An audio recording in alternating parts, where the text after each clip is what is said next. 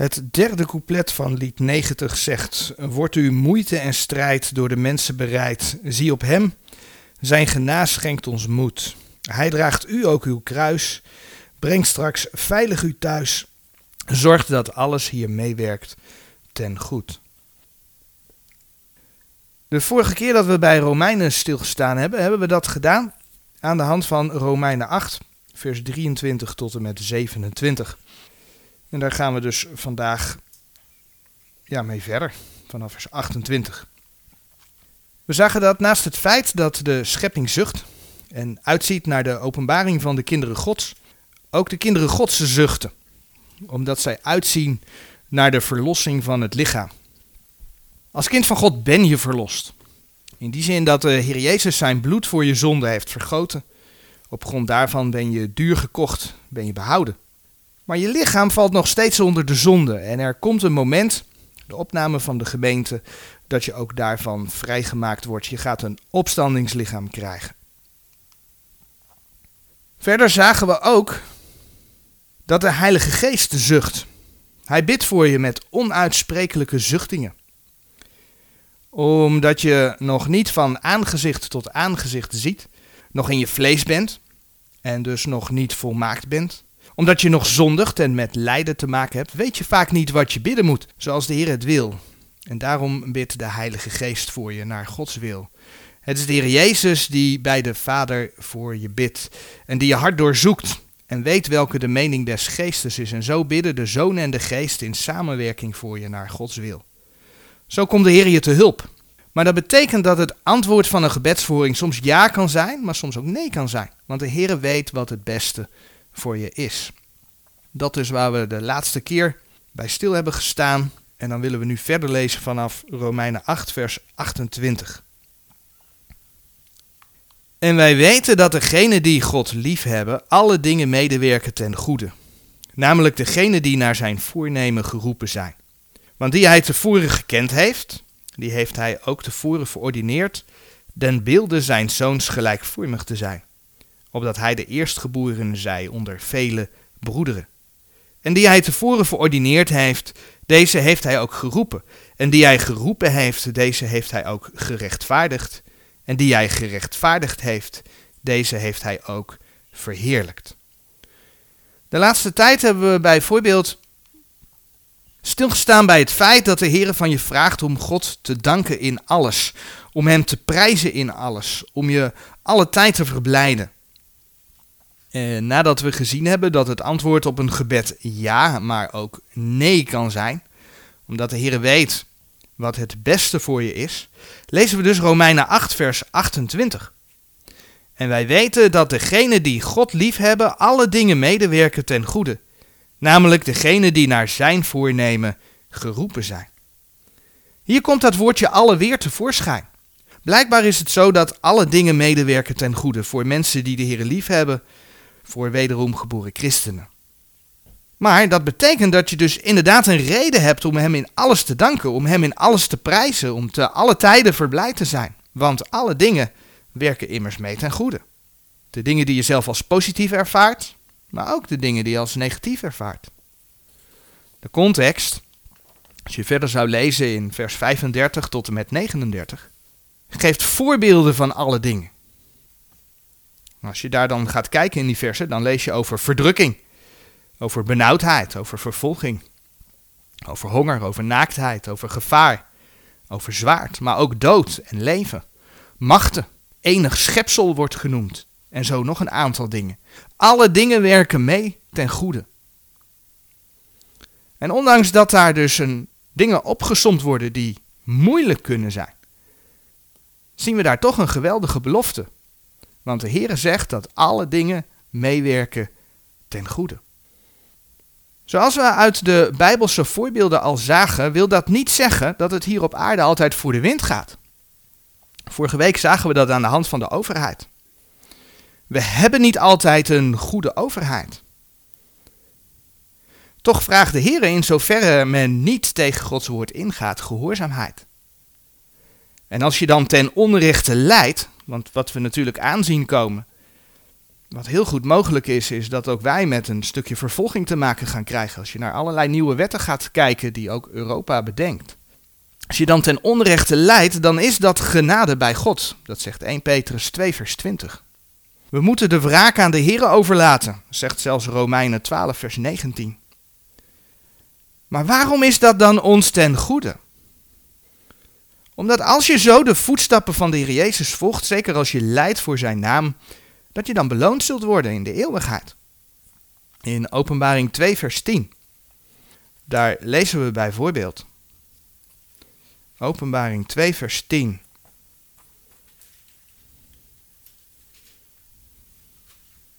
Vrees geen der dingen die gij lijden zult. Zie, de duivel zal enige van uw lieden in de gevangenis werpen, opdat gij verzocht wordt. En gij zult een verdrukking hebben van tien dagen. Zijt getrouwd tot de dood, en ik, ik zal u geven de kroon des levens. Daar heb je de beloning in de eeuwigheid. Dus lijden op aarde geeft iets goeds in de eeuwigheid. Alle dingen werken mee ten goede. En toch brengt die situatie van een ongerechtige overheid ook nu al iets goeds. Doordat je met die situatie in aanraking bent gekomen, verdiep je er meer in. En als je dan het besef krijgt, als het besef ontstaat, dat je inderdaad onze heiland in zijn voetstappen van het lijden moet volgen, dan groei je in geloof. Als dan het besef ontstaat dat wat voor regering er ook zit. We hebben afgelopen week de verkiezingen weer gehad. Ja, daar komt dan een uitslag uit. Dat uh, D66, ook wel D666 genoemd, naar de tweede plaats opschuift. Dan uh, kun je denken, slik. Wat gebeurt daar? Maar als dan het besef ontstaat dat wat voor regering er ook komt, dat de Heer alles in zijn handen heeft. En dat als je dat bij hem brengt, hij je zijn vrede geeft. Dan werpt het hier op aarde reeds zijn vrucht af. Laten we in Filippenzen 4, vers 6 en 7 kijken. Filippenzen 4, vers 6 en 7. Wees in geen ding bezorgd, maar laat uw begeerte in alles door bidden en smeken met dankzegging bekend worden bij God.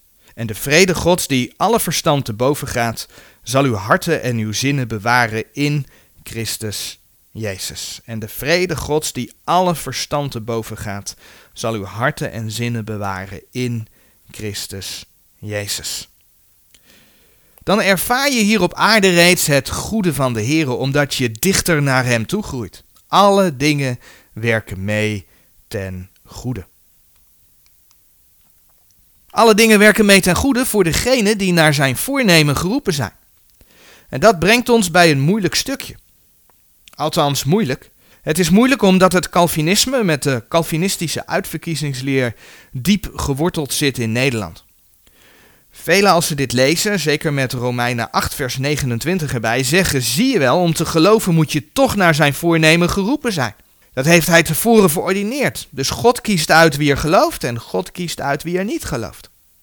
Laten we Romeinen 8 vers 29 nog een keer lezen. Want die hij tevoren gekend heeft, die heeft hij ook tevoren verordineerd, den beelden zijn zoons gelijkvormig te zijn, opdat hij de eerstgeborene zij onder vele broederen. Maar die Calvinistische uitverkiezing, zoals die bekend is geworden, is wat mensen ervan gemaakt heeft, hebben. Dat is hoe kerkvaders het ooit hebben willen lezen, hoe het in theologische werken en beleidenisgeschriften is terechtgekomen, waardoor velen hen napraten. Maar wat zegt de schrift? Wie zijn er naar zijn voornemen geroepen? Dat is de eerste vraag. Nou, het antwoord staat in Romeinen 8, vers 29 en 30. Laten we die versen nogmaals lezen. Want die hij tevoren gekend heeft, die heeft hij ook tevoren verordineerd den beelden zijn zoons gelijkvormig te zijn, opdat hij de eerstgeborene zij onder vele broederen. En die hij tevoren verordineerd heeft, deze heeft hij ook geroepen. En die hij geroepen heeft, deze heeft hij ook gerechtvaardigd. En die hij gerechtvaardigd heeft, deze heeft hij ook verheerlijkt. Het gaat om mensen die gerechtvaardigd zijn en die het beeld van zijn zoon gelijkvormig worden. Het grote punt is dat men de voorbestemming altijd betrekt op het behoud. Maar dat klopt niet. De voorbestemming gaat over de aanneming tot kinderen. gaat over het gelijk worden aan het beeld van Gods zoon. Een ander vers wat daarover gaat is Efeze 1, vers 4 en 5. Efeze 1 vanaf vers 4. En in dat vers lezen we gelijk hij ons uitverkoren heeft in hem, voor de grondlegging der wereld, opdat wij zouden heilig en onberispelijk zijn voor hem in de liefde, die ons tevoren verordineerd heeft tot aanneming tot kinderen, door Jezus Christus in zichzelf naar het welbehagen van zijn wil. En dan lezen we vers 11 er nog bij. In hem, in welke wij ook een erfdeel geworden zijn, wij die tevoren verordineerd waren naar het voornemen desgene die alle dingen werkt naar de raad van zijn wil. En dan bladeren we door naar 1 Petrus 1 vers 2.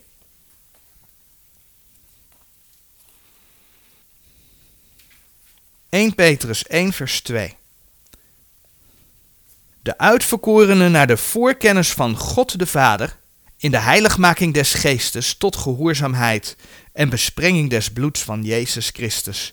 Genade en vrede zij u vermenigvuldigd. Die eerste paar woorden lezen we de uitverkorenen naar de voorkennis van God de Vader.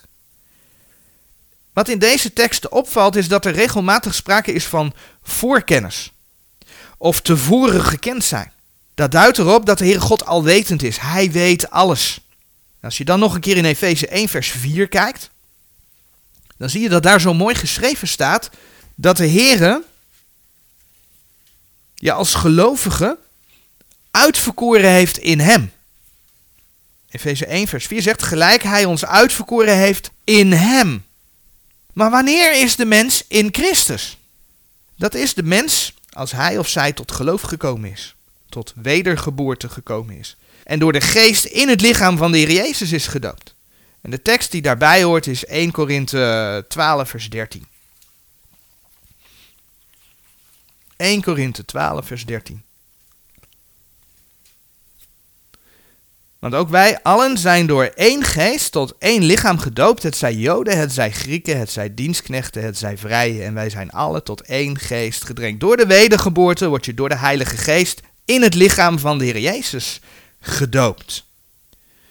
Met andere woorden, de Heere God heeft tevoren geweten wie de Heer Jezus zou aannemen. En hen heeft hij voorbestemd om zijn kind te worden. Hen heeft hij voorbestemd om het beeld van zijn zoon gelijkvormig te worden. En hij heeft hen voorbestemd om een erfenis in ontvangst te nemen. Daarvoor zou je ook nog 1 Petrus 1 vers 3 tot en met 4 kunnen opzoeken. Dat is bijbelse uitverkiezing. Niet God bepaalt wie er behouden is en wie er verloren gaat. Maar God wist van tevoren wie zijn zoon zou aannemen.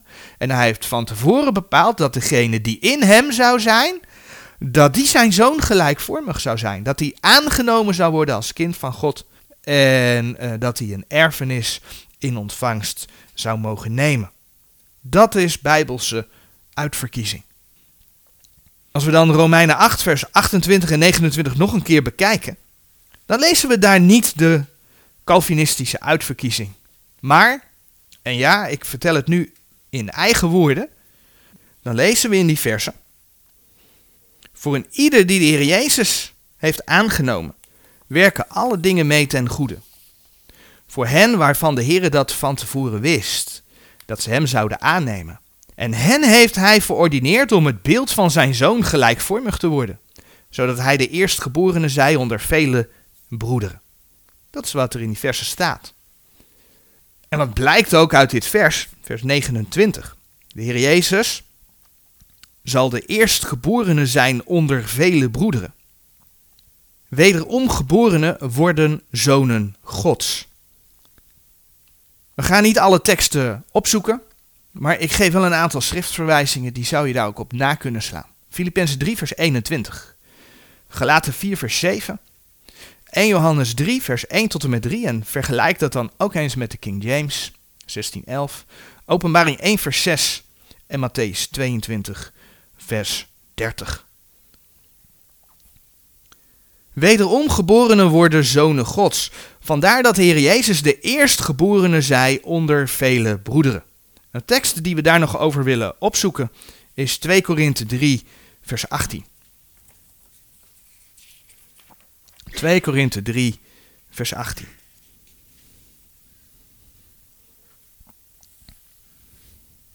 En wij alle met ongedekte aangezichten de heerlijkheid des Heren als in een spiegel aanschouwende, worden naar hetzelfde beeld in gedaante veranderd, van heerlijkheid tot heerlijkheid, als van des Heren geest.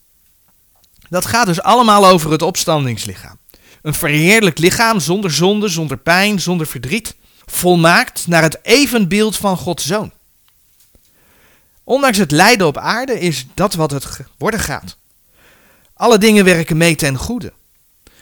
En Romeinen 8, vers 30 voegde daar dan aan toe dat de Heer deze mensen geroepen heeft, gerechtvaardigd heeft en verheerlijkt heeft. Doordat je als wederomgeborene de Heer hebt aangenomen, ben je gerechtvaardigd. Je draagt zelfs, en dan bladeren we door naar 2 Korinthe 5 vers 21, Gods rechtvaardigheid. 2 Korinthe 5 vers 21 zegt, want dien die geen zonde gekend heeft, gaat over de Heer Jezus, heeft hij zonde voor ons gemaakt, opdat wij zouden worden rechtvaardigheid Gods in hem. Dus door het volbrachte werk van de Heer Jezus mag je Gods rechtvaardigheid dragen. En ondanks dat je als kind van God nog geopenbaard moet worden, daar hebben we in Romeinen 8, vers 19 bij stilgestaan. Dat is als de Heer Jezus geopenbaard wordt bij zijn wederkomst. En je dus op dit moment nog geen heerlijk lichaam hebt, want dat krijgen we pas als we ons opstandingslichaam krijgen. kun je in 1 Korinthe 15, vers 43 lezen. Ziet de Heer je klaarblijkelijk al als verheerlijkt aan. Dat is je positie in Christus. En dan zegt Romeinen 8, vers 31 nog. Romeinen 8, vers 31. Wat zullen wij dan tot deze dingen zeggen? Zo God voor ons is, wie zal tegen ons zijn? Wat hebben we in Romeinen 8 tot nu toe allemaal gezien? Dat je vrijgemaakt bent van de wet der zonde en des doods. Dat je als gelovige in de geest bent. En dat als je bedenkt wat van de geest is, dat je dat leven en vrede geeft. Dat je door de geest der aanneming tot kinderen Gods ook zeker mag weten een kind van God te zijn. Dat de schepping zucht, terwijl ze wacht tot de openbaring van de kinderen Gods. Dat de kinderen van God zuchten tot de verlossing van het lichaam. En dus naar Hem uitzien. En dat je mag weten dat de Heer je te hulp komt, onder andere doordat Zijn geest voor je bidt. De Heer weet wat goed voor je is en doet alle dingen meewerken ten goede. Wat zeg je op die dingen? Wat een genade heeft de Heer je gegeven. Wat een genade dat je daaruit mag leven. Maar ook sluit hier de vraag bij aan: zo God voor ons is, wie zal tegen ons zijn? Nou, degene die tegen ons willen zijn, dat mag duidelijk zijn. Dat is het vlees. Dat is de wereld, dat is de duivel. Maar als je in de geest wandelt, als je het vlees doodt, als je bedenkt wat des geestes is, als je met de Heer leidt en hem blijft verwachten, dan kan er niets tegen je zijn. Want de Heer zegt, alle dingen werken mee ten goede. Amen.